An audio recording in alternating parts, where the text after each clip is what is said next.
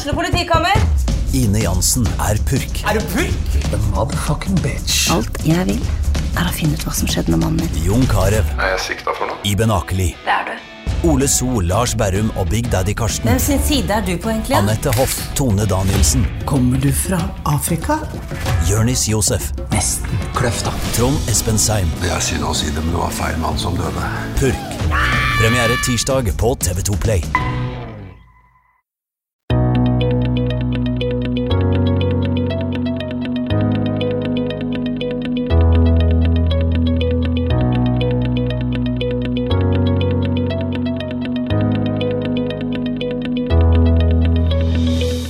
Verre at én uskyldig blir dømt, enn at ti skyldige går fri, heter det. Likevel hender det at noen dømmes, selv om det ikke finnes bevis for at vedkommende har gjort noe galt. Det skjer justismord i Norge. I denne episoden av TV-podden får du høre journalist og forfatter Bjørn Olav Jahr i samtale med sosiolog og krimforfatter Jan Melum. Jahr har skrevet boka 'Hvem drepte Birgitte Tengs?', som kom ut i 2015. Samtalen er et opptak fra arrangementet Justismord i Norge, arven etter Bjørneboe, på Tønsberg og Færder bibliotek. Nå er det slik at uh, Dette er jo det andre uh, seminaret la meg kalle det det, i denne serien. Jeg liker den betegnelsen 'arven etter Bjørneboe'. Synes jeg er veldig fint. Men det handler jo om justismord. Og det som er interessant nå, er at vi har uh, da fått besøk av en mann her som, som er journalist og ikke jurist. Og jeg synes Det er veldig interessant og, og litt tankevekkende å begynne å stille spørsmål til Bjørn Olav hvorfor en journalist, journalist som han, og nå også forlagsredaktør, eh, liksom blir koblet inn i fenomenet justismord. Vil du Eh, si litt om det? Ja, uh, altså jeg tenker som På en måte så er det litt naturlig. jeg tenker som, som journalist Men En journalists fremste egenskap vil jeg mene er at man er nysgjerrig. Eh, og og eh, I 2003 så var jeg på et eh, journalistseminar, altså SKUP-seminaret, som det kalles, Stiftelsen for kritisk undersøkende presse. Og, de, og Der var det en foredragsholder som het Asbjørn Rachlew fra, politi, fra Politihøgskolen som, eh, som fortalte, som holdt foredrag om politiets avhørsmetoder. Eh, og Han fortalte da at man i politiet hadde vært svært tilståelsesorienterte. Eh, at eh, avhørsteknikkene gikk i arv, og når de hadde en mistenkt eller siktet fremfor seg, så, skulle, så var målet med det avhøret å frembringe en tilståelse. Eh, og, og han sa det som ofte da skjer, er at man utvikler et tunnel, tunnelsyn fordi man hele tiden er ute etter å få bekreftet den hypotesen man i utgangspunktet har. Eh, og, og disse bekreftelsesfellene som man da pratet om, eh, det var veldig lett å kjenne igjen som journalist. Altså sånn, jeg har også jobbet mange ganger med noen saker hvor jeg har vært veldig sikker på utfallet i utgangspunktet. Og så er det jo, kan du si at noen ganger så treffer man, eller forhåpentligvis som oftest treffer man. men det er de gangene man kanskje ikke treffer, da, som er farlige. Og det er sånn, Når skal du snu? Og jeg tenker at For politiets del, når de da legger mye tid og prestisje ned i ett spor, og det begynner å bli for sent å snu, så, så kan det bære veldig galt av sted. Og Da, da kom han til liksom det som ble da, Konklusjonen på foredraget hans var at liksom, dette kan føre til falske tilståelser. Eh, og Det var da et fenomen som jeg tenkte at jøss, det må være utrolig spennende å se nærmere på. Ja, Det er ikke så uvanlig som man skulle tro, faktisk. Eh, det er jo sånn at Journalister bør jo, som representanter for den tredje statsmakt, være interessert i det som er bak kulissene. Det som eh, ikke nødvendigvis tåler dagens lys ved nærmere gransking. Men eh, jeg har lagt merke til, og jeg, jeg har muligens en slags teori om det, at de journalistene som arbeider med slike spørsmål som dette, det er først og fremst de som ikke har en redaksjon bak seg. Altså de som faktisk er frilansere. Og det er jo interessant. da, synes jeg forteller en historie. Er det riktig? Uh, ja, altså, sånn, som, Når jeg ser på de justismordene som er drevet frem av journalister, så er det vel de jeg kjenner til. Det er Tore Sandberg har jo vært veldig Ja. god og dyktig. og Han sa det at den dagen han sluttet i NRK, da begynte han å jobbe med justismord. Uh, og Det betyr at en organisasjon som NRK, for eksempel, som da har flere tusen ansatte, åpenbart da ikke har hatt liksom, tid nok eller ressurser nok til å la han holde på å etterforske et justismord alene. Eh, Det er kanskje lettere også for en enkeltperson på en måte er det litt sånn rart at det skal være lettere for en enkeltperson, men du er på en måte ikke så bundet opp av så mange andre hensyn. da. Eh, og det tenker jeg når jeg begynte å jobbe med dette bokprosjektet også, så tenkte jeg det at, det at jeg står så fritt jeg, jeg, kan, jeg, kan, jeg kan gjøre all mulig gransking og etterforskning på egen hånd, og så kan jeg begynne å jobbe med det. det eh, jeg tenker at det har noen fordeler med å være, være en solorytter. holdt jeg på å si der. Da. Ja, det er mulig, mulig, at det er noe av forklaringen. Altså, det nærmer seg jo det som jeg driver med, nemlig fiksjonsproduksjon. Altså, jeg driver jo også med kriminalsaker, men eh, når jeg møter virkeligheten, så kan jeg tilpasse den slik at den blir sånn som jeg gjerne ville at den skulle vært. Det kan anbefales for øvrig. Det fungerer veldig fint. Men jeg ser at vi har, vi har eh, inngangs, eh, innganger som ligner litt på hverandre. Jeg er derimot eh, litt mer skuffet over jurister som i hvert fall sånn som vi ser det utenfra, nokså sjelden er de som starter opp slik, slike etterforskninger. For det er det det er som vi nå skal snakke om.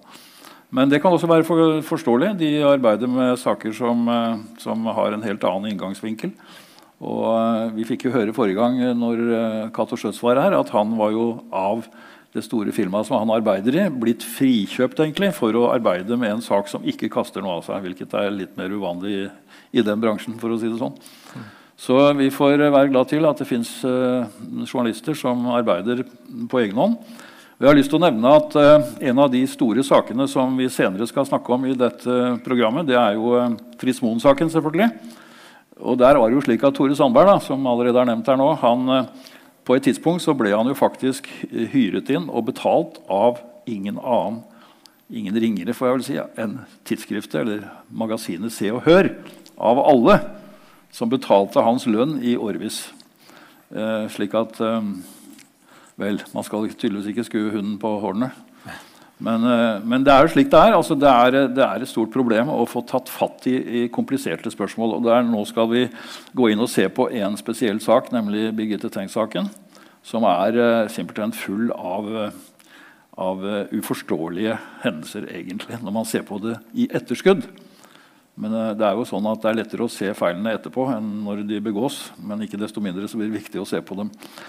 Så jeg tenkte at du kunne kanskje Bjørn Olav, begynne med å fortelle litt om selve, selve saken, selve fenomenet, for, for, å si det sånn. Hva var det som skjedde mm. med fetteren, med Birgitte Tengs? Ja, eh, altså Det som skjer, er jo 17 år gamle Birgitte Tengs blir jo da drept natt til 6. mai 1995 på Karmøy. Eh, hun er sist observert i Kopervik sentrum eh, ca. rundt midnatt. Eh, så, det, så, blir hun først funnet da klokken ni om morgenen etterpå. Eh, dagen etter. Eh, og, og, mm, ganske raskt så, så, det, så interesserer lokalt politi og, og en del eh, andre liksom, lokale størrelser de, de snakker da om fetteren til Birgitte Tengs syns at han kan være en interessant kandidat. Da. Så han, jo, han, føler tidlig at, at, han er under mistanke. Eh, og dette er også noe som eh, Han blir kalt inn til avhør tidlig, han blir bedt om å kle seg på overkroppen. Han, han, det, det er, han, får også noen reaksjoner i etterkant når Birgitte begraves. Han er en av de som bærer kisten. Eh, og alle de som da i utgangspunktet har mistenkt ham for å kunne være drapsmann, de ser jo disse sterke reaksjonene han har i begravelsen, som en bekreftelse på at han må være skyldig. Eh, så, så, det er, så, det er et ganske sterkt fokus på han til å begynne med. Eh, ganske mange som er sikre på at det må være han. og det, Dette er nok basert på Statistikk er jo en ting. altså sånn, Som ofte så er det jo nærstående som står bak eh, drap. Mm. Eh, og så er det det at det har vært, eh, han har hatt noen uheldige episoder i Karmøyhallen hvor han har sittet i garderoben med et litt for lite håndkle rundt seg når det har kommet noen jenter forbi. Det har gått rykter om det. Eh, så det er liksom, liksom bygdesladdere som går. da. Eh, men, men, der holder Og faren hans også er urolig for han han er heller ikke sånn, han, ikke, han vet ikke hvor godt han kjenner sin da. Altså, gutten er jo da 17 år gammel når Birgitte blir drept. Fyller snart 18. Eh, han også er litt usikker, og han, han, bryter jo sammen i et avhør med politiet hvor de sier liksom ja, men ring hjem til sønnen din og hør hvordan det går med han. Og han ringer hjem til sønnen sin, og, og da, sier på, da, sier han på, telefonen til sønnen sin Og så sier sønnen at uh, de har tatt fotavtrykk av meg, for de har jo fotavtrykk inne fra åstedet. Og da har de bedt fetteren om å få tatt et fotavtrykk av han. Og da syns faren at det høres ut som at de har funnet fotavtrykk av meg. Og Da begynner han å rope til ham på telefonen, og da blir jo sønnen veldig fortvilet og, og legger på. det blir liksom brudd der og sånne ting. Så Det er så mange ting som skjer her tidlig som er veldig vondt for fetteren. Ja. Eh, som gjør at han føler mistankens lys over seg. Men, så kommer, men, da, men da er Kripos liksom ute etter ok, hva er det som kan sjekke ham ut av saken. Jo, det er et vitne som har sett ham sykle hjem. Eh, forklaringen Han ser ut til å stemme godt. Han, han, er observert, han har selv vært i Kopervik like før Birgitte ankom dit. Og, og de slår seg til ro med at forklaringen hans er god nok. Da. Så, så legger de han til ja, side. Det var, var slik det, fordi det tok jo lang tid før han igjen ble hentet inn og etter hvert mm. ble tiltalt og dømt. Altså, det som er eh, interessant med det første som skjedde i denne saken, er at den, eh, det man kan kalle bygdesladdere, eh, det florerte. Og det var en lærer på skolen hvor han gikk, som spredde rykter om ting han trodde og mente og kanskje hadde sett eller hørt. Altså Det var veldig, veldig diffuse greier, men de spredde seg jo til politiet hva han skulle ha foretatt seg og tenkt på. Og det var altså denne episoden du nevner med disse jentene som angivelig skulle ha sett han blotte seg, hvilket var eh, i alle fall eh, på grensen til å være noe galt. Kanskje det var ikke noe galt engang, men det ble blåst opp. Det var en uh, kjele med vann som han skulle ha helt på en, en, kamerat under en fest, men det viste seg jo også å være feil. Altså, det var mange sånne ting som springer ut av, av lokalmiljøet, og som egentlig var sladder. Og Det illustrerer jo ganske godt hva som kan gå riktig galt når slikt begynner å vokse i et lokalsamfunn. Da kommer det stadig opp folk som mener og tror at de har hørt et eller annet eller sett noe. eller tenkt noe i hvert fall. Og dermed så har vi det gående, og politiet plukket opp dette og brukte det for alt det var verdt. Det er vel riktig. Mm. Um, og det er også slik at uh, for å, Siden vi er nå i begynnelsen av saken, så var det jo slik at uh, fetteren Vi får kalle han det. Han har jo et navn, men vi kaller han fetteren. Han hadde uh, jo egentlig et alibi fordi han var kommet hjem til sine foreldre på et tidspunkt før drapet skjedde. Antagelig, da. Eller ganske sikkert. Uh, og uh, foreldrene, eller vil si faren, ga jo sønnen alibi. Han var hjemme på det tidspunktet da drapet skulle ha skjedd. Han hørte sønnen komme, og det skaffet han jo faktisk et alibi. Altså et utelukkelsesbevis, egentlig. Men så begynte moroa, fordi det begynte å spre seg rykter om både det ene og det andre. Altså, noen eh, skulle ha hørt at det, var noe som falt ned inni garasjen hans på et senere, altså garasjen til foreldrene, på et senere tidspunkt som ville passe med tidspunktet for drapet. Og, og dermed så måtte jo faren ha fortalt usannheter eller huske feil hvis det var noen i garasjen eh, to timer etterpå.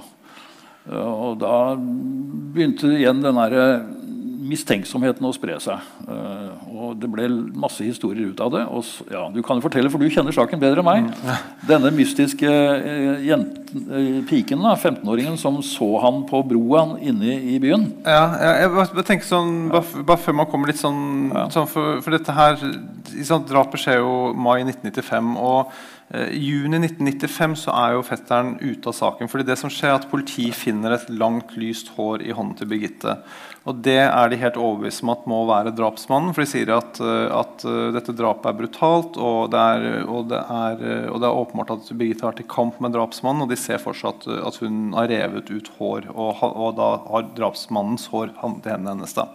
Dette lange, lyse håret tilhører Fetteren har kort hår, så det tilhører ikke ham. Og de, og de klarer ikke å finne noen finne ut hvem dette håret tilhører. Men det, det, det tilhører i hvert fall ikke ham. Da. Så det, det, gjør sitt at han er sjekket ut av saken. Men dette håret her blir en sånn katastrofe for politiet. fordi det, fører til at de legger bort egentlig alt mulig annet også som er av interesse i saken. Det dukker opp, det dukker opp folk som, som det er Eh, det er, en, det er en, narkoman som, som kommer hjem til et, til et, ektepar midt på natten. og Han er veldig hysterisk og han roper 'hva det er gjort', hva det er gjort? Og, og, og Han tas inn til avhør senere når dette, denne historien her kommer frem. Eh, og, og da, da, blir det bare ledd av, for han, jo, han, er jo skalla. Så liksom dette lange, lyse håret kan ikke stemme.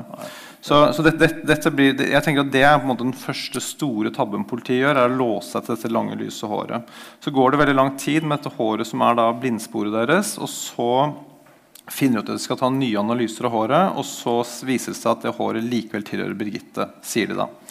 Eh, det som er Problemet er jo at dette håret her har jo alltid tilhørt en kvinne. Eh, altså det er det resultatet man har fått Allikevel så var man så sikker på at drapsmannen måtte være, altså måtte være en mann, fordi drapet var så brutalt. Så, så hvordan det det, det håret er, er veldig mysteriet hvordan det har på en måte virket inn på saken. Men i hvert fall da de legger håret til side, de sier at det er Birgittes hår likevel, vi kan legge til side, da bestemmer de seg for å snu bunken, som de sier. Og Vi har jobbet med en TV-dokumentarserie i bakkant av boken. og Da har vi intervjuet bl.a. lensmannen, og sånt, og han sier jo det, ikke sant, at da snur de bunken, da begynner de å se på alle mulige, og så sier de at, så, så sier vi at han uaktuell, uaktuell, uaktuell, og så endte vi opp da til slutt med han som lå nederst i bunken. Og da er det jo kjipt å ligge nederst i den bunken, eh, fordi der lå jo fetteren. Eh, og, og det, som man, det man ser i denne saken, her er at de har jo da bestemt seg for at det er fetteren vi skal gå etter eh, når, de, når, de dette, når, de, klarer å sjekke dette håret ut av saken. Eh, og, og det, det, er ganske katastrofalt, fordi, fordi de er for det som skjer er at Birgitte blir observert ca. klokken 12 i Kopervik sentrum. Eh, og, og, det blir observert en person som de er helt sikre på er Birgitte, som skal sette seg inn i en bil. Fetteren kjørte ikke bil. Så det er helt klart de etterlyser en bilfører. Det er observert en bil like i nærheten av åstedet. Eh, de etterlyser denne bilen, og de, og de, koker ned til at de får 13 personer som er ute og kjører alene i, i, rundt Kopervik eh, drapsnatten som ikke har noe alibi, og, og, de kaller disse inn til avhør. og det De gjør er egentlig strengt tatt bare vil, de vil ha disse inn til avhør for å få de fortest mulig ut av saken, sånn at de kan gå løs på fetteren.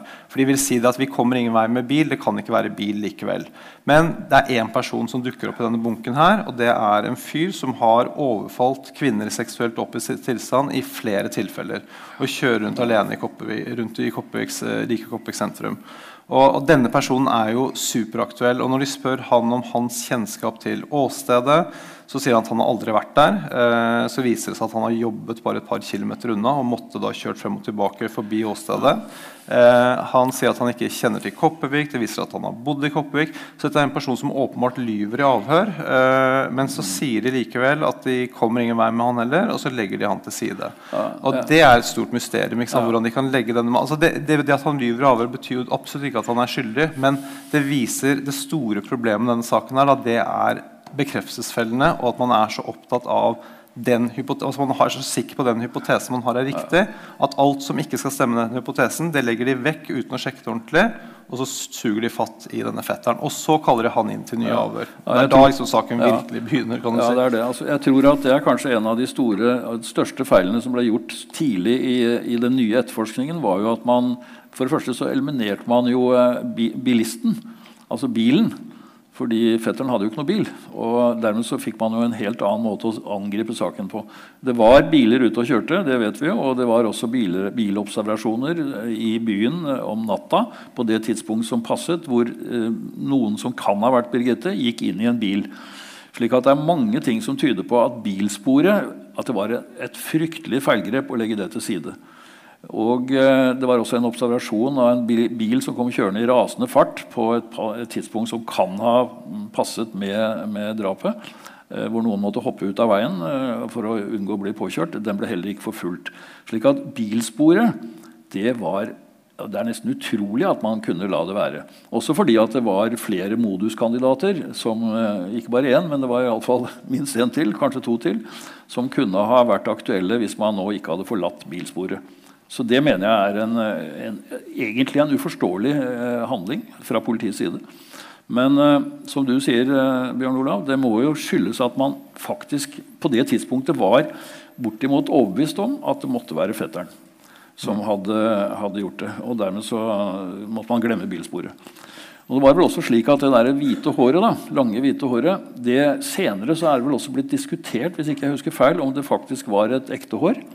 Er det riktig? Ja, nei, Det var spekulert om det. det, spekulert, ja. ja det Men det var, hår, det var hennes hår? Nei det, nei det, var det ikke. Nei, altså, det, det, det, som er, liksom, dette håret, Første gang det blir sendt til analyse, så, så sier de at dette, dette, er et fremmed hår. Vi vet hvem, hvem som er det håret. Nei. Hvis jeg hadde tatt håret ditt og sendt det til analyse, øh, så, og funnet ut at jeg skal ta håret ditt en gang til og sende til analyse, så ville det jo fortsatt vært ditt hår. Uh, men hvis jeg da finner ut at uh, vet du hva, det håret der ødelegger alt for etterforskningen, så hvis man kan tenke sånn da, Jeg, kan, jeg tenker faktisk sånn at noen i politiet kan være kapable til å gjøre det. De har tilgang til alt bevismateriale. De har hårene til Birgitte. Dette håret sperrer for etterforskningen. Jeg tror det er en som har gått inn, plukket et hår fra Birgitte, sendt det til England til analyse, fått det tilbake. Det er Birgittes hår. Så sier han å ja, her den ene, ene rapporten sier det, mm. fremmedhår, den andre sier Birgittes hår. De to rapportene slår hverandre i hjel. Vi kan legge det til side. Dermed har vi ryddet hårsporet til side. Og så kommer dette med bilsporet, hvor de sier at det er ikke sikkert at det var den, den bilen som kjørte i rasende fart mot åstedet. Det, ikke, det, kan være en som var ute med elskerinnen sin. Altså, de finner en sånn forklaring for det. Så legger de bilspor hos til side. Og alt dette handler jo bare med én ting, at de skal rydde veien for å ta inn den, den, den daværende 17 år gamle øh, fetteren til Birgitte Tengs, som jo ikke kjørte bil, og som ikke hadde langt, lyst hår. De skal ta han inn til avhør, for nå er de sikre på at det er han som er drapsmannen. Ja, altså det er jo en fryktelig tanke å tenke seg at politiet da, for å få ting til å passe, faktisk kan foreta seg sånne handlinger som det blir antydet her nå. Vi vet jo ikke det sikkert, men eh, når man ser på materialet, så er det mye som tyder på det. Og jeg blir ikke egentlig veldig overrasket, fordi fra andre saker, f.eks. Fritz Moen-saken, så vet man at slike ting skjedde. Altså Man vet det. Altså Det finnes en fasit. Man vet at det skjedde. Slik at det er ikke utenkelig, selv om det er en fæl tanke. Men det fikk veldig stor betydning for ja, saken videre. Så kan du si sånn noen, altså, så, og det er fælt. No, hvis, man, altså, hvis, man, jukser med bevisst, så er det forferdelig. Altså, det undergraver jo alt. Så kan du si at noen kan jo tenke at jo, men det er jo sånn. altså Jeg bare hjelper litt til. da. Ja. Um, så, så, ja, nei, det, er sterk, det, det, er veldig veldig underlig at, at det har skjedd. Altså, dette er jo en sak som skriker etter en granskning, spør du meg. Altså, sånn der, hadde du hatt en offentlig ja. gransking på dette, så kunne det blitt veldig vondt for, enda vondere for de folkene i politiet som jeg har satt sykehus på, vil jeg tro. Ja, Det tror jeg er riktig. Det, det, er flere sider ved den saken som ligner litt på det håret, men det kan vi komme til etter hvert. Mm. Det er ikke det eneste. Nei.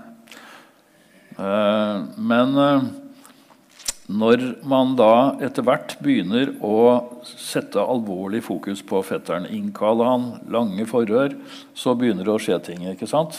Det må du fortelle litt om. Ja, ja ikke sant? Det, er veld, det, er veldig, spennende. fordi, og Det er det som utgangspunktet fascinerte meg så fælt. Er det, jeg har reist rundt av og til og snakket på, på, for, for videregående skoleelever. og liksom Det første jeg spør dem om, er tror dere at det er mulig å tilstå et drap du ikke har begått, eller tror dere det er mulig å tilstå et drap du ikke husker å ha begått. Og De fleste svarer jo nei på det. For det er utenkelig for de aller fleste at man skal tilstå noe man ikke har gjort.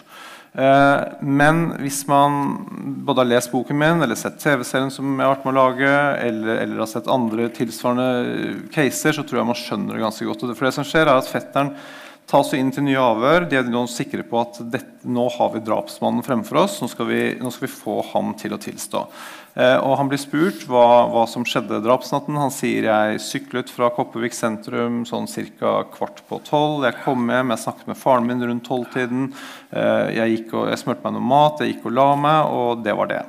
Eh, og da sier de at uh, ok, uh, men det er noen timer som mangler mellom klokken 12 og 2. Og så viser det at de har fått en jente, en 15 år gammel jente som mener at hun har observert fetteren til Birgitte Tengs sykle hjem ved halv to-tiden om natten. Og Det passer overens med du var inne på dette med et sånn akebrett. Det er et akebrett i garasjen hjemme hos familien til fetteren som raser ned klokken to om natten. De mener da Politiets teori da er at fetteren har møtt Birgitte, han har tatt følge med henne til drapsstedet, han har drept henne, han har syklet tilbake til Kopervik sentrum, han har tatt en runde rundt der og blitt observert av denne 15 år gamle jenta. Hun er den eneste som skal ha observert ham. Og så skal han ha kommet hjem, og fordi han er så frustrert over å ha drept henne, så skal han ha sparket i veggen så akebrettet falt ned. og etter at han har gjort det, så skal han ha tatt i dørklinken, men da har han glemt det eller fortrengt hele drapet. Eh, så derfor oppfører han seg helt normalt når han prater med faren sin, og er helt normal dagen etter.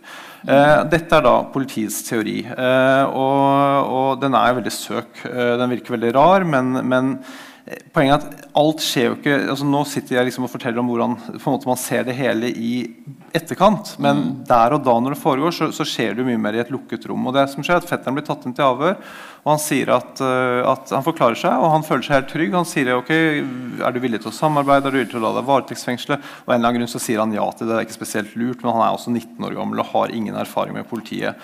Advokaten hans kommer, uh, Arvid Sjødin, og han gjør en forferdelig dårlig jobb. til å begynne med. Ja, han, han, også, han, sitter og godprater med denne politimannen som er ansvarlig for etterforskningen, og, og syns det høres ut som, som dette kan være liksom fast fisk. Så, så, da blir, og Det første fetteren spør da advokaten sin om, er blir uskyldige mennesker dømt i Norge.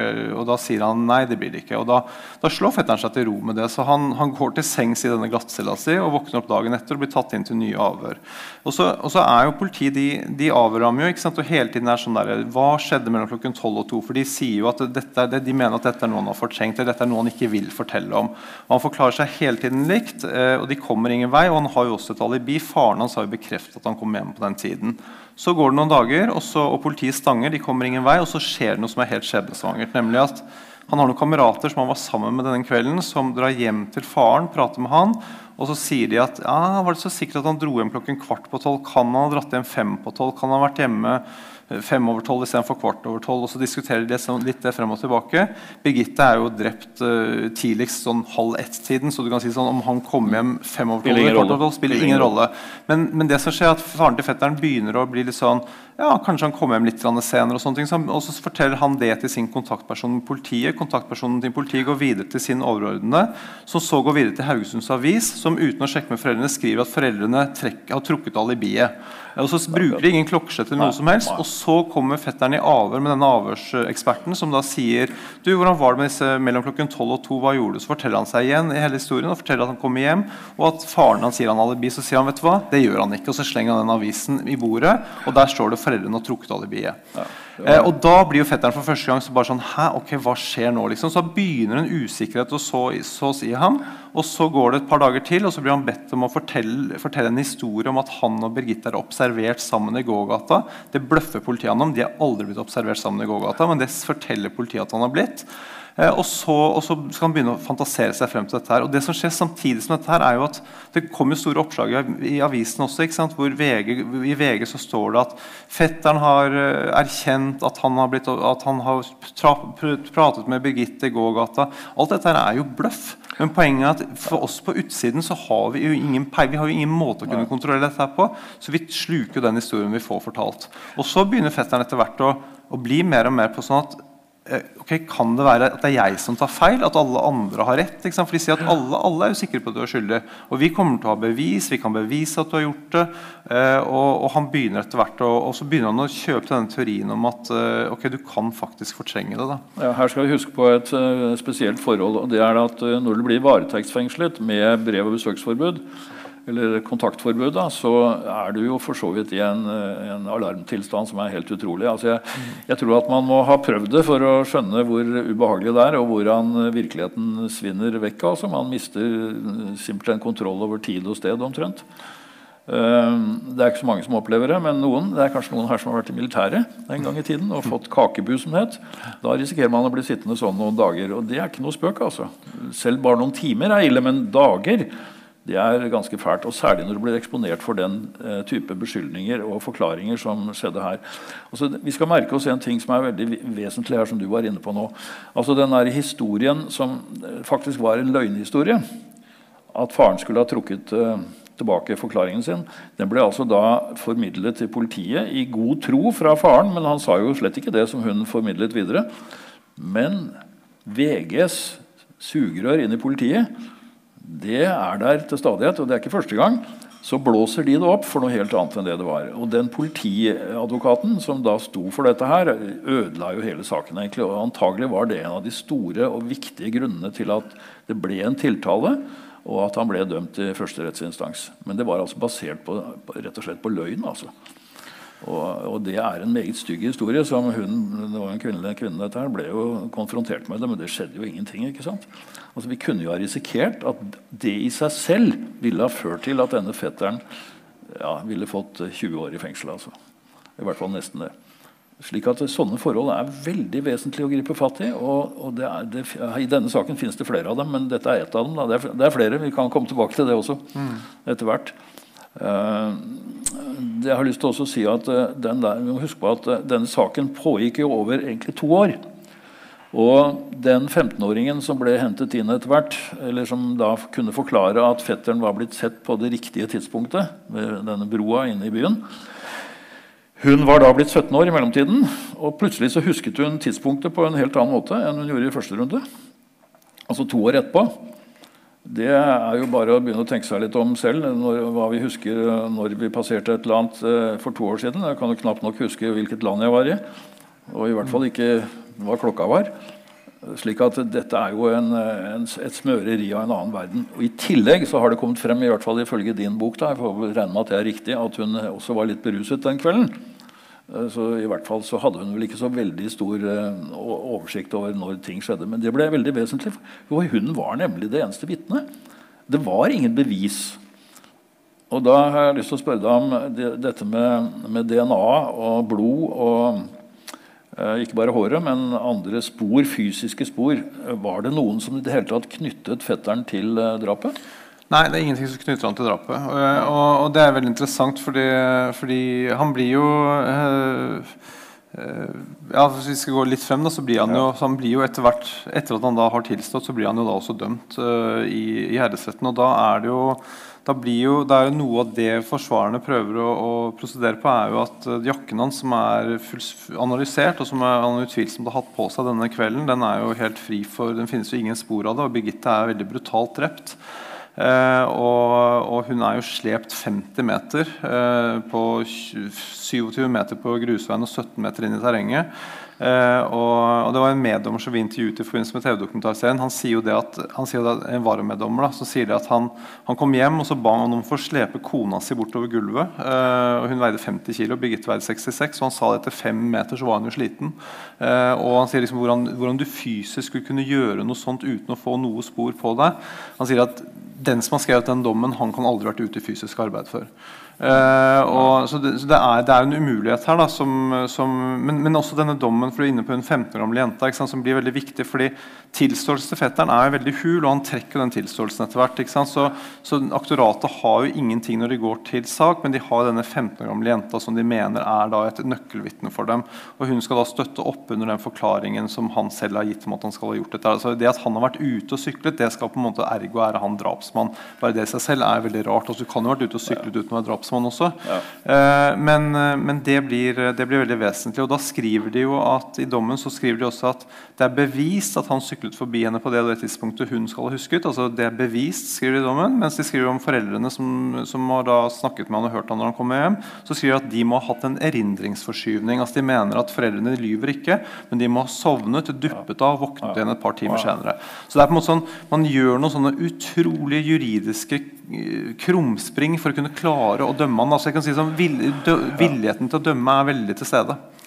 Ja, Det er et veldig viktig poeng. fordi Vi må huske på at når, eh, altså når politiet etterforsker, og når retten i en rettssak, eller altså aktor da, i en rettssak skal prosedere, så er det jo slik at man har like stort krav på seg til å lete etter funn, bevis, indisier, som kan frikjenne den tiltalte, som de som kan dømme.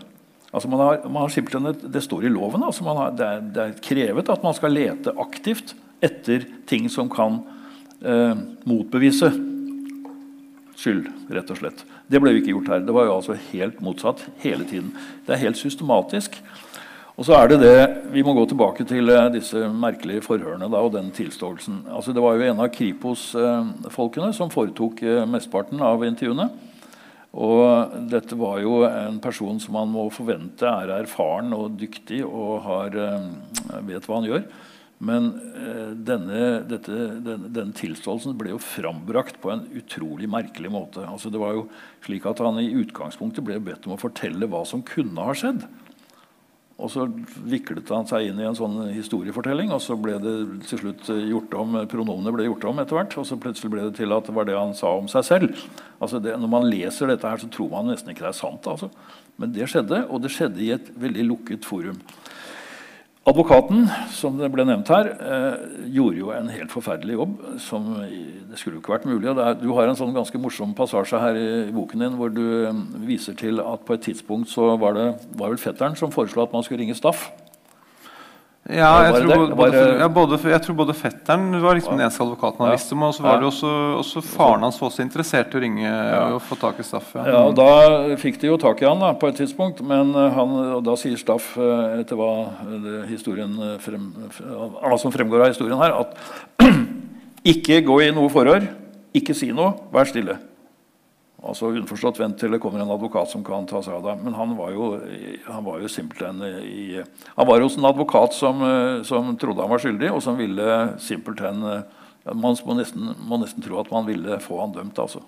Det er jo nesten ikke til å begripe altså, at det var mulig å foreta en sånn eh, altså For Staff hadde jo selvfølgelig, og hvilke som helst andre gode advokater hadde jo selvfølgelig hele tiden sittet der og vært nøye på å være til stede når forhørene ble foretatt, og for ikke å snakke om denne tilståelsen som ble kokt sammen som eh, Det er jo en suppe av en annen verden. altså.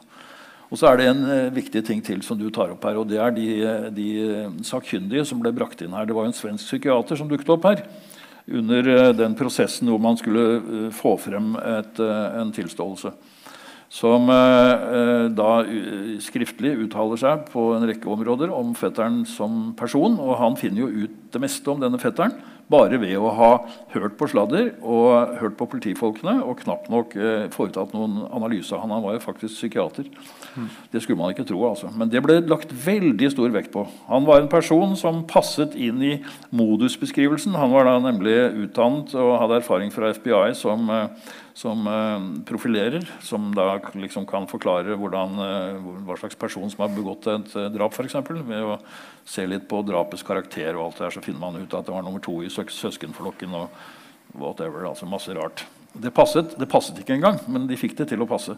Så denne mannen ble veldig viktig for at dommen kunne bli som den ble i, i første rettsinstans. faktisk. Og han var jo ikke alene. Men, men det er altså det er nesten sånn at Når vi skal sitte og snakke om noe, så er det vanskelig å vite hvor vi skal begynne. Altså. Så mye rart var det, og så mye underlig. Og det er en ting til vi skal huske på nå eh, når vi snakker om denne saken. fordi vi kjenner jo da eh, langt på vei eh, fasiten. Vi gjør jo det. Så er det jo slik at Denne saken var en veldig ulykkelig sak for hele lokalsamfunnet og for den familien som ble rammet. Først foreldrene til Birgitte Tengs, selvfølgelig, som, som ble verst rammet. Men eh, foreldrene til fetteren, som jo da var i familie, de ble også rammet på sin måte og fikk forandret livet sitt. Og det har jo ført til at disse to grenene av familien er jo fiender fortsatt. Og Det er jo en fryktelig, fryktelig historie. Og dette har jo skjedd da rett og slett eh, pga. alle de feilene som ble gjort. Og Vi må vel også si at uh, den Kripos-etterforskeren som ans var ansvarlig for sakens uh, opprulling, for å si det sånn, han har uh, lagt noen underlige spor etter seg. Det vil du mm. kanskje si noe om? Ja. Uh, ja. Um, ja altså det, det, at, det, at, det, er veldig, veldig hjerteskjærende det at, at, disse familiene er, er, uvenner fremdeles. Og det handler jo om at det, som var, var at Karin og Torgeir Tengs altså det sier jo Torgeir Tengs i TV-dokumentarserien Han sier at de mistenkte aldri fetteren. De uh, ikke, de hadde ikke han i tankene. Også, men så blir jo han fengslet. og så og så kommer jo da denne tilståelsen etter hvert. Eh, og da på en måte faller liksom brikkene på plass for dem. Da, da, liksom, da, da, passer det ok, det var noe rart med han likevel. Og sånne ting, og det passer og sånne ting. Og så sier jo Torgeir Tengs i etterkant at den verste dagen for han er når Birgitte Tengs dør. altså Birgitte dør, naturligvis, Men den nest verste det er jo når, når fetteren trekker tilståelsen. For da, da, har han ikke noe fast grunn under føttene lenger. Da har han ikke noe da har han ikke noe svar lenger. og Det er klart at det er utrolig opprivende, og det kan man veldig godt forstå også. Så, så, så, disse, så jeg tenker sånn, Foreldrene til Birgitte jeg synes veldig synd på dem, for de er ført veldig bak lyset. De har blitt fortalt hele veien at, at de har hatt så mye på fetteren, og, og sånt, men de har jo ikke det. Og det, og det, og det er det som skjer fordi de ikke har fnugg av bevis, fordi de ikke har noen ting, så blir jo tilståelsen desto viktigere. Eh, og Det er derfor de jobber så mye med denne tilståelsen. at de holder på. I TV-dokumentarserien så viser vi også det, så er et sånn bra bilde hvor, hvor, du ser han er, han er til avhør, og han er inne i glattcelle i mellomtiden mens han er i avhør og venter, og så er han på, så er han på cella si på 6-7 kvadrat. og Der tilbringer han hele tiden. og, det, og det er sånn, Han er i 180 timer i avhør før tilståelsen endelig kommer. Og Når man da bruker liksom disse dagene og viser 12 timer, 14 timer, 10 timer, og så stryker du og stryker ut, og det at du sitter der med en, fy, med en avhør som kjederøyker, og du selv er toppidrettsmann, toppidrettsmann og, og, man har vondt i hodet konstant, men han sier likevel det å være i avhør er bedre enn å være for seg selv på cella. Så det han blir utsatt for, er jo utvilsomt spør meg, psykisk tortur. Eh, og, og, han får jo etter hvert så, så, blir han jo så nedstryket, og han, og han, og han får hele tiden vite at vil du, ikke, vil, du hjelpe, liksom, vil du ikke, hjelpe, folk med å få vite sannheten? Altså, vil, eller vil du ikke liksom, gi foreldrene dine ro? Gi Karin og Torgeir Tengs ro? Uh, hvordan tror du du kommer til å se ut i retten? Vi kommer til å kle av deg, du kommer til å stå igjen avkledd. Vi har beviser. Altså, han blir hele tiden prenta full med dette her. Og til slutt så skriver han da en tilståelse hvor jeg erklærer å forvoldt Birgitte Tengs død. Og så skriver han under men jeg har ingen hukommelse av å ha gjort det. Så han tilstår da et drap han ikke husker å ha begått. Og så sier politiet at vi skal hjelpe deg med å huske og finne, finne, ut hvordan du har begått dette drapet. her, og Da skal vi gi deg punkter. ikke sant? Og, og da, han tiden, da, blir han gitt punkter, og så, og så, kommer han med forslag selv. Og så sier politimannen etter hvert at nei, falle mot en sten det kan du se bort ifra. Så liksom, han, han, blir hele tiden styrt liksom, hva han ikke skal ha med, og hva han skal ha med. og sånne ting, For politiet vet jo hva som stemmer overens med tekniske spor. og sånn, Så de styrer og guider inn på en tilståelse, og da får han beskjed til hvert om at det blir enda bedre hvis du setter deg på cella og skriver en historie. Skriv det hvordan du tror det har blitt fortalt. Og den fetteren han har jo ekstremt mye tid, og han har sex i norsk. Han er veldig flink til å skrive. Og han setter seg ned og skriver. Det jeg har sett Han skriver mye godt, altså han resonnerer godt, og sånne ting, men han skriver en tilståelse som er veldig dårlig skrevet. Poenget at har, det, er, det, er, ofte sånn man skal skrive ting. Hvis ikke han har noe substans, så er det vanskelig å skrive. Men han skriver i hvert fall noe som ligner mer og mer og mer på en tilståelse. Han blir bedt om å se det hele i et fugleperspektiv, altså lage et filmmanus. Og så etter hvert, når de begynner å nærme seg noe som ligner en tilståelse, så sier politiet nå kan du bytte ut 'han' med 'jeg'. Og da gjør han det. Og så skriver han under tilståelsen. Og etter at han har skrevet under tilståelsen, så blir han fulgt tilbake til cella si av en lensmannsbetjent. Og da sier han til denne at jeg håper du er fornøyd nå, men jeg husker fortsatt ikke at jeg har gjort det. Men, helt, men, det som skjer er at han er helt overbevist om at han har gjort det, men han husker det ikke. Hans store drøm er å huske at han har drept Birgitte Tengs. Da skal han på en måte få fred, da skal han få ro, da skal han komme videre i livet. Og så, han jo, og så har han kommet med denne tilståelsen som er full av forbehold og full av feil og mangler. Og den stopper også med en gang han har på en måte tilstått, så stopper tilståelsen. fordi de klarer ikke å ha noen god forklaring på hvorfor han skal ha syklet ned fire km til Kopervik sentrum og blodig og fæl da skal ha syklet forbi en 15 år gammel jente, men bare henne, mens, mens alle pubene som stenger i byen, og alle andre er ute i gatene. Ingen andre skal ha sett han. Det er jo sånn, det er så totalt full av hull og mangler. ikke sant? Men der går det ikke videre. De stopper det på at han har tilstått. Og for oss på utsiden igjen så blir det sånn førstesideoppslag i Dagbladet. Nå husker han alt.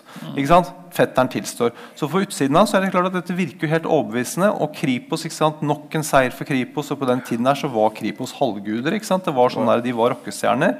Og det er klart at var det jo bare, Dette var en stor seier, en enorm prestisje at de hadde klart å få han til å tilstå. Så kommer han opp i fengsel, i Bergen fengsel, begynner å sitte og spille sjakk med drapsmenn. Og de forteller ham hvordan de har det de, etter at de har drept. Hva slags følelser og tanker de sitter med. Hva slags mareritt de har. Og han har ikke noe mareritt. Det eneste han har drømt, er han sier han har drømt at han er i gågata. Alle kommer imot ham og sier at du har gjort det, du har gjort det, og så dukker plutselig Birgitte opp og sier at nei, det var ikke han. Og, da, og Så begynner han etter hvert å tenke sånn, ok, det, det, er ikke jeg som har gjort det. Og så, og så vil han trekke tilståelsen, men han er veldig redd for å trekke tilståelsen. For han er redd for hva skjer hvis han trekker tilståelsen? Jo, da er han redd for å havne tilbake i isolasjon og tilbake i avhørssituasjon. Og det vil han jo på ingen måte gjøre. Det som heldigvis skjer da, er at advokaten hans Arvid Sjødin har jo snudd på dette tidspunktet her, for han har skjønt det at her er det noe galt. Eh, han skjønner at han selv har gjort noe galt ved å tro på politiet. Han skjønner at denne gutten er høyst sannsynlig uskyldig likevel, og begynner å jobbe for han, og da trekker han tilståelsen på vegne av sin klient. Og Derfor så går de også i retten og er helt overbevist om at han skal bli frifunnet. fordi Aktor starter hele rettssaken med å si at i denne saken så har vi ingen tekniske bevis, vi har ingen indisierekke som peker i, en samlet rekke på at det skulle være fetteren til Birgitte Tengs, eh, men vi har tilståelsen. Men den tilståelsen har de trukket. Så, så De føler seg veldig trygge. Stakkars faren hans han kjøper inn en kasse med reker dagen før domsavsigelsen, for da skal de feire. Eh, og så blir han dømt til 14 års fengsel. Mm. Og Det er basert på at han har tilstått, fordi man tror ikke noe spesielt på falske minner i Norge på denne tiden. her, 1997, altså, men Det var, det var liksom da det var full, full, full Thomas Quick-tid. ikke sant? Sånn der, man trodde jo veldig på fortrengning. Eh, og, og, så, man, så, man, tror liksom at, eh, at han skal ha tilstått noe falskt. Nei, det tror man ikke noe på. Jeg tror man må gå til den, svenske psykiateren som jeg nevnte her, fordi han var veldig sikker og helt overbevist om at disse med med, med uh, altså at fetteren skulle ha fortrengt alt sammen. og Det var helt naturlig. Det var ikke det minste vanskelig å Nei. tenke seg. Så han var, han var, den som støttet opp der. Og så var det også en annen sak som skjedde under første rettsinstans. Det var jo at man hentet inn vitneutsagn fra en uh, en, eh, en kriminell som fetteren hadde sonet da sammen med i Bergen. Som, eh, som var eh, skikkelig bad guy altså, på alle måter. Han skulle antagelig ha hørt at fetteren fortalte både det ene og det andre om hva han hadde gjort. eh, hvilket var sannsynligvis bare det eneste vrøvl og antagelig løgn. Men det ble også trukket med inn i rettssaken. altså Ikke noe i Ja, nærheten. det, det, det ble trukket frem så liksom at det skulle være liksom fjerde gangen han tilstår. sånt, og det var, det, var, det var, det var en fyr som hadde slått han i magen og, og kalt han Tengstad-gutten og hadde satt inne tolv år for amfetaminsmugling. Og, og, sånn, og, og fikk også lettere soning etter å ha vitnet. Selvfølgelig. selvfølgelig. Uh, så det var jo ganske ugreit. Ja, kan man vi, må, vi må jo også si da at eh, denne avhørsteknikken som ble brukt her, og dette merkelige, eh, den merkelige konstruksjonen som da til syvende og sist ble et, eh, en slags tilståelse, den er jo senere blitt plukket fra hverandre av heldigvis eh, kvalifiserte politifolk. Det er jo særlig Asbjørn Rachlew, som du nevner, som var politimann, politietterforsker på det tidspunktet, og som da senere har tatt en doktorgrad på akkurat dette med falske tilståelser, bl.a. Og som har fått gjennomført eh, en ganske gjennomgående snuoperasjon i politiet når det gjelder måten man arbeider på i slike saker, heldigvis.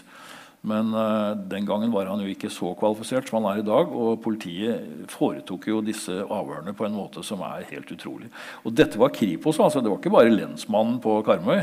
Han eh, skal nok unnskyldes ved at han ikke akkurat var vant til drapssaker. Nei, Han gjorde mye rart, han også. Men eh, han kan man jo på en måte forstå. Da, eller unnskylde i alle fall, Men at Kripos-folk som kommer med så mye erfaring, og som har vært med på å oppklare 50 drap, altså foretar sånne handlinger, det får man jo til å lure på. De 50 drapene var det, var det denne lederen etterforskningen ja, var det han påstod han hadde vært med å oppklare. Han hadde ikke oppklart så det var ikke, det var ikke riktig. Men, eh, men, men- hvor mange av dem var justismord? Så det begynner jeg å lure på når jeg leser det. Men det, det, det, som er, det som er interessant, for, for det, er- jo i politiet så er man jo, sier man man, Da man gjenopptok etterforskning, og det var veldig, det var veldig, det var veldig fint, syns jeg. da, altså Jeg skrev boken, jeg begynte å jobbe med den i høst, nei, våren 2013. Da hadde jeg jo holdt saken varm siden jeg skrev artikkel i magasinet i 2005 om falske tilståelser. Og så utga jeg boken høsten 2015. og og like etter så, så, og året etter så, begynte, så besluttet Kripos seg for å gjenoppta etterforskningen. Først, først gikk Cold Case sin nyopprettede avdeling inn for å se på Birgitte-saken som den første saken de skulle se på.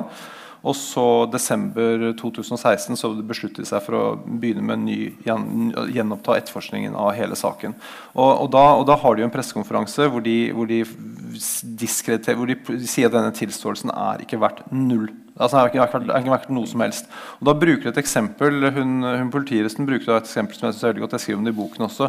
og Det er vesken til Birgitte. for Birgitte hadde jo en veske som er helt ren, og de skjønner jo ikke helt hvorfor den er helt ren. men den blir jo den blir jo funnet et sted, naturligvis. ikke sant? Og så skal de ha fetteren til å fortelle hvor ble det av vesken til Birgitte. Og da, ikke sant, når han er i en avlssituasjon, og da sier han nei, den tok jeg med meg da jeg syklet ned til Kopervik sentrum uh, og, og slang i en container. Og så bare eh, Nei, eh, det gjorde du ikke. liksom. Nei, jeg kasta den inn i busken. Eh, nei, det gjorde du ikke. Og så blir det en sånn Tampen brenner-lek etter hvert, og så viser det at den vesken den ligger 5 cm fra hodet til Birgitte. Eh, og fra liksom en container i Kopervik til 5 cm fra hodet til Birgitte, det er ganske stor avstand, og da har politiet jobba ganske lenge. De holdt på i flere dager med å få plassert den vesken riktig.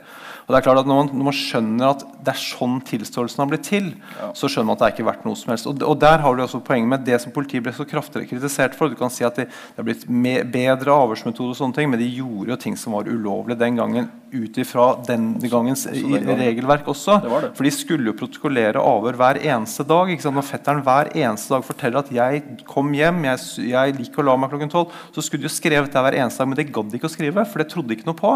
Så de ventet med å skrive noe som helst til det var gått 16 dager. Så begynte de å skrive, for da var han på glid.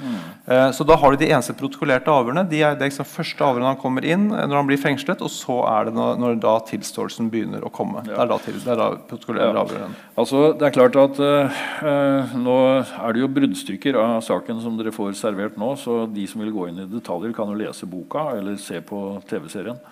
Men eh, når, man, eh, når man setter seg inn i den, så, så er det jo slik at I hvert fall tenker jeg at det er lett å skjønne hvorfor det er viktig å gjøre sånn som vi gjør nå. Fordi dette kunne jo rammet hvem som helst av oss. egentlig. Altså. Det er jo det som er det grusomme å tenke på. At uh, hvis du er tilstrekkelig uheldig, så kan du faktisk ramle inn i noe sånt eh, og være helt uskyldig og bli utsatt for den type jeg må jo nesten kalle det psykisk mishandling som, som skjedde her nå. Men nå har vi foregrepet eh, begivenhetene litt fordi eh, etter at eh, han ble dømt da, i tingretten, så ble det jo en anke. Og på det tidspunktet var jo advokaten heldigvis kommet på beina igjen etter å ha gjort alle de feil som det var mulig å gjøre som advokat, så uh, begynte han på nytt igjen, og han fikk uh, hjelp av en Nei, det, det, det, som, det, som, er riktig, at advokaten han må komme seg på beina, kan du si. Altså, han var, men han, nei, altså, da, her, her, her, trakk han seg. Han trakk seg ja. ja så, så, da ble han vitne i stedet. Da kom det en ny advokat inn som heter Sigurd Klomsæt. Og, han, eh, og han, det, han gjorde som var veldig bra, han satte i gang en egen etterforskning. Uh, fikk en privatetterforsker til å gå gjennom som fant ut alt dette om hvor mye, hvordan avhørsmetodene var skjedd. og så fikk han også også kalte inn en som heter Gisle Gudjonsson, som er psykologiprofessor, opprinnelig islending, som bor i, i, London, som er en av verdens fremste på falske tilståelser.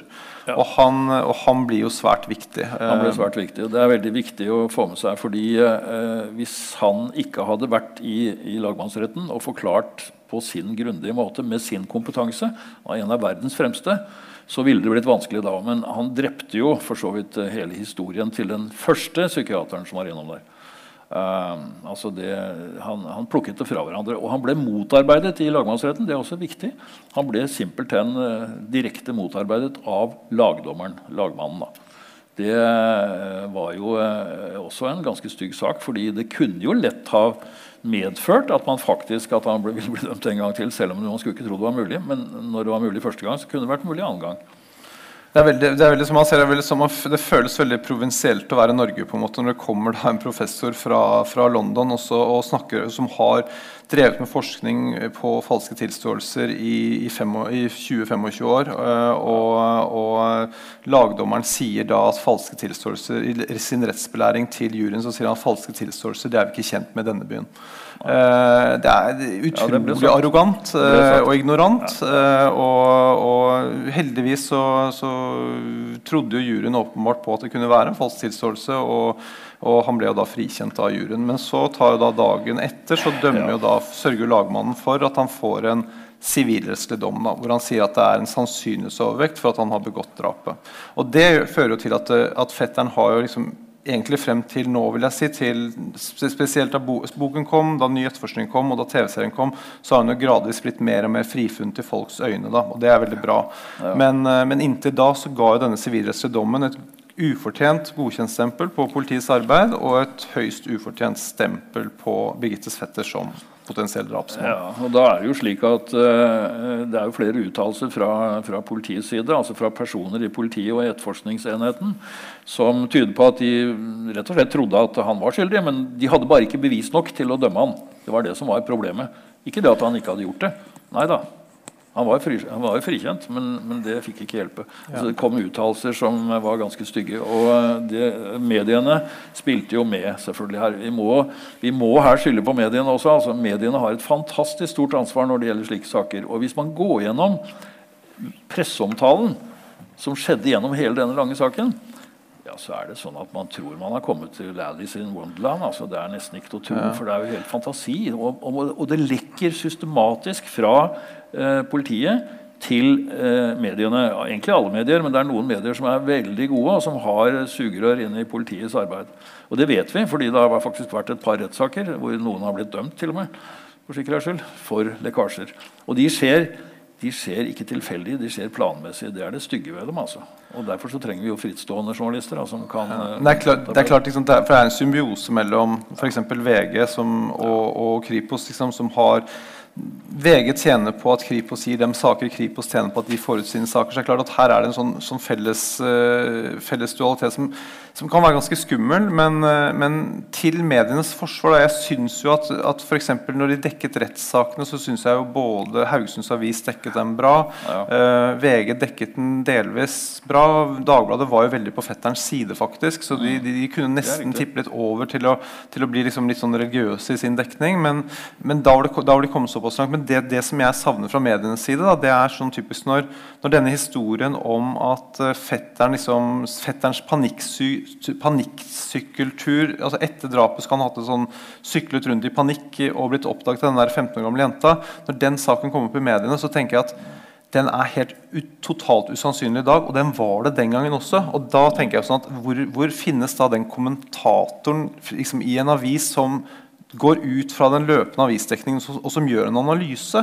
Mm. Eh, og det tenker jeg sånn at, eh, at Her er det litt sånn blodtåke. Man, man, skriver saken mens den pågår, og man, og man, klarer ikke å løfte blikket. Og noen burde klare å løfte blikket og, og, ha en mer analytisk tilnærming til det. Og da kunne man hatt en mer kritisk tilnærming til politiet ja, også. Så de har hatt for, de har hatt for, for stort spillerom, eh, og, og det har de jo både, det har de utnyttet. ja, altså, jeg tror man bruker Tore Sandbergs ord her. fordi eh, Da han eh, var og dekket uh, Fritz Moen-saken i Trondheim, den gangen han ble dømt for både det første og det andre drapet, så var jo Tore Sandberg var jo NRK-journalist og dekket altså saken. Og han sier da nå etterpå at han jo egentlig bare var et mikrofonstativ for politiet. Uh, heldigvis så gikk han over fra å være mikrofonstativ til å bli en pain in the ass for politiet. Og løste jo saken, heldigvis. da. Men uh, det var jo fordi at noen, noen greide å for å si det sånn, underholde han. Understøtte han, slik at han hadde anledning til å gjøre det i alle de årene det pågikk. Altså Jeg har lyst til å ta med et lite sitat her fra, fra lagmannens eller lagdommerens oppførsel uh, i retten. Altså, dere vet at Lagdommeren, eller rettens formann, da, skal jo legge frem en en eh, orientering til eh, juryen om hvordan de skal se på sakens uh, faktiske forhold.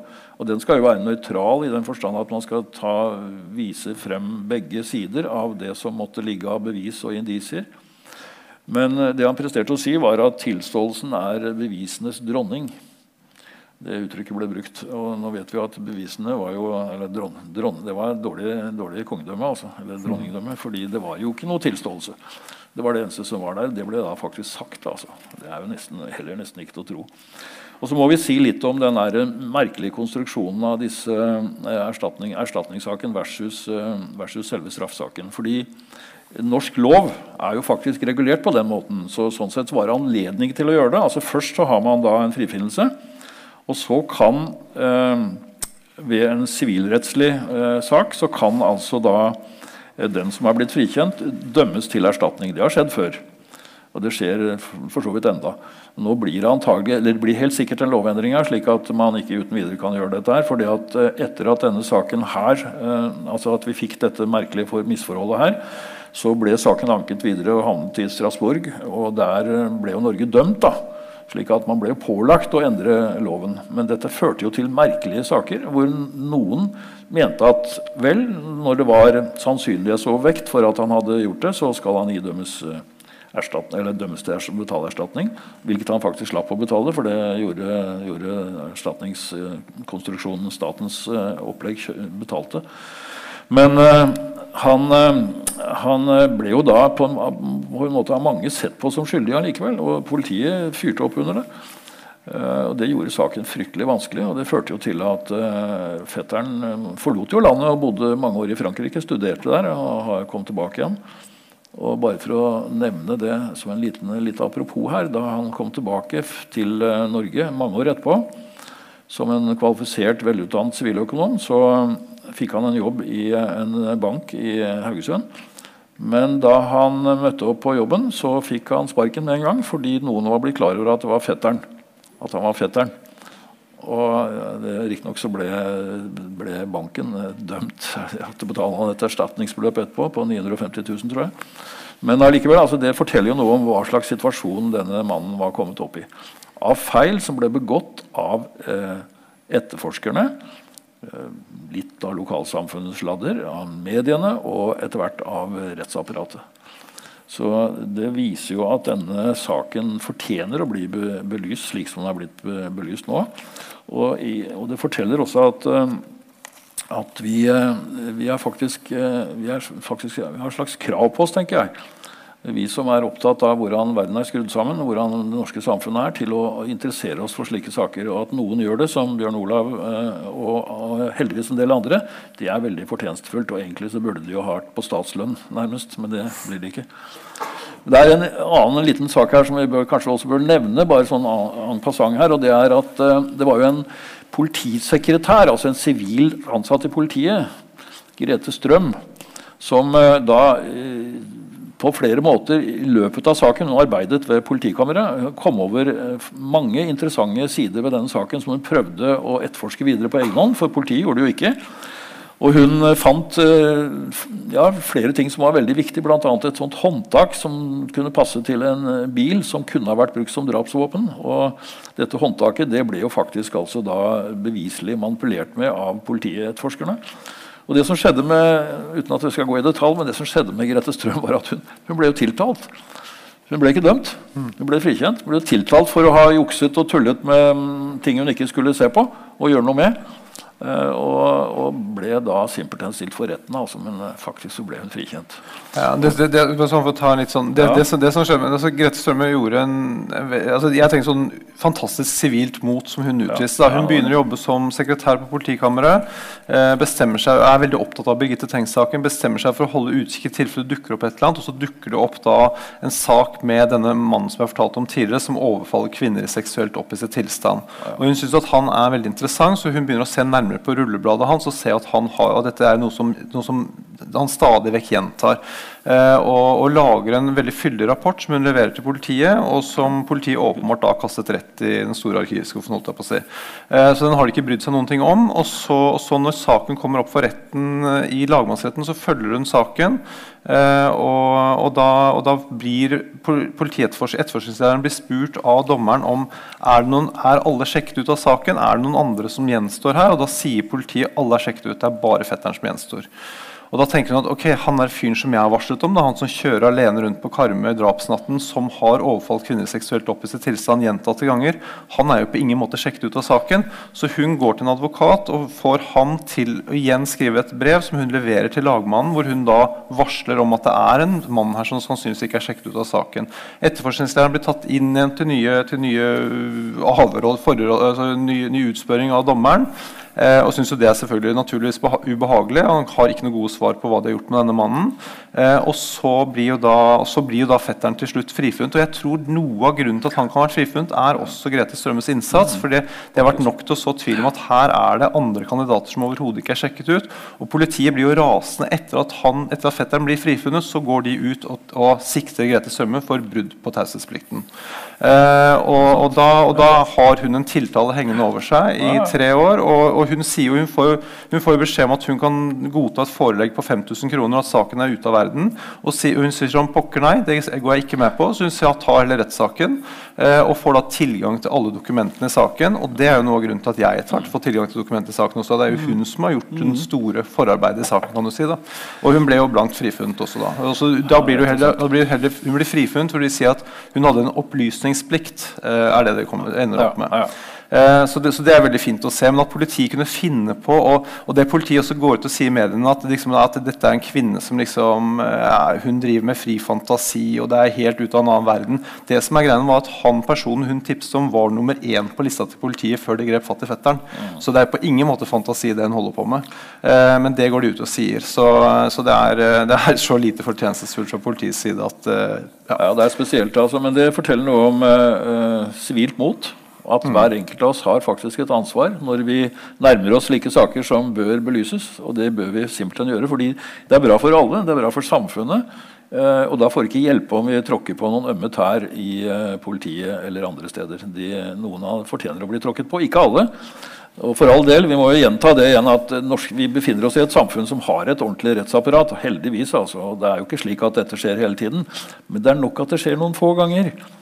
Og som vi snakket om forrige gang, så er det litt flere ganger enn de fleste av oss er klar over. Dessverre. Jeg tenker at Det kan være ganske tøft i Norge hvis, hvis du er utsatt for et justismord i Norge nettopp fordi folk har så utrolig sterk tiltro til rettsvesenet, så blir det veldig vanskelig å si at hei, jeg er utsatt for et justismord. De fleste vil si særlig. Eh, mens jeg mener Hadde du bodd i Italia eller Bulgaria og sagt at jeg var utsatt for justismord, så ville jo de fleste trodd på det. Eh, og Det er i hvert fall en trøst, det. liksom. Det det. Eh, så det er, eh, det er ikke så greit, det. altså. Takk for at du hørte på TV-podden.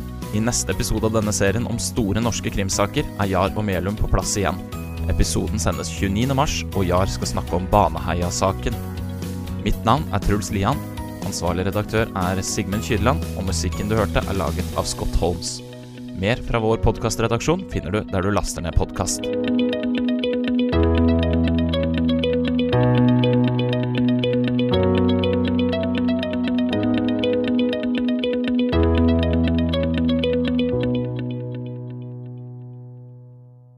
Har du et enkeltpersonforetak eller en liten bedrift? Da er du sikkert lei av å høre meg snakke om hvor enkelt det er med kvitteringer og bilag i fiken, så vi eh, gir oss her, vi. Fordi vi liker enkelt. Fiken superenkelt regnskap.